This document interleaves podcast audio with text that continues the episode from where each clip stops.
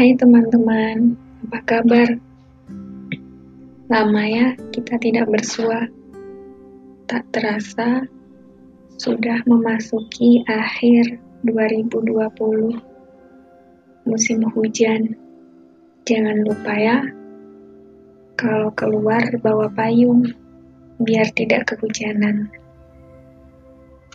Oh ya, berbicara mengenai waktu, dan tempat, kita pasti mempunyai kenangan di waktu dan tempat tertentu. Ya, sama. Saya juga. Aku ingin memberikan sebuah pesan kepada seseorang yang selama enam tahun ini masih saja menjadi tokoh utama dalam ceritaku. Meskipun orang itu kini sudah mempunyai kehidupan yang baru. Tapi entah kenapa aku masih saja menyayanginya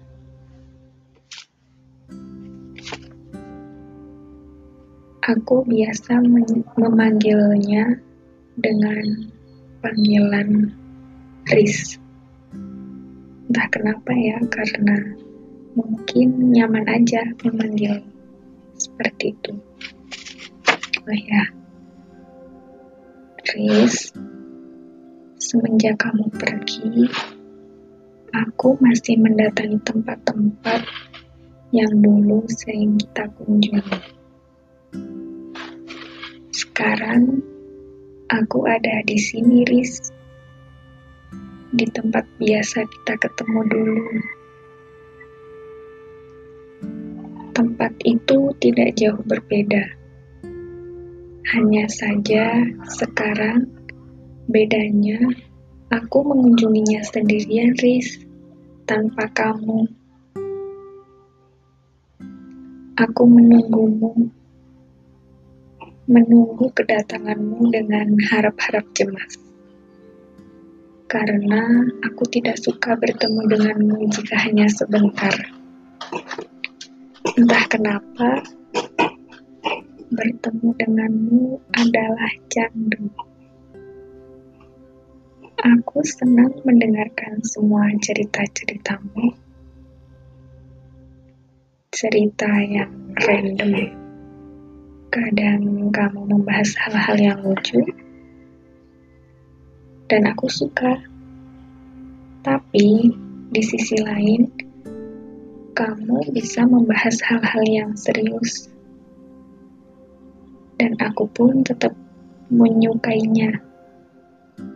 Memangnya segala hal yang berhubungan denganmu, aku selalu menyukainya kecuali satu, kepergianmu. Itulah satu hal yang paling tidak aku sukai. Walaupun begitu, entah aku suka atau tidak, kamu akan tetap pergi kan? Iya kan? Iya, aku tahu segala sesuatu itu tidak bisa dipaksakan. Tapi izinkan aku tetap menyayangimu lewat doa ya. Karena hanya itu yang aku bisa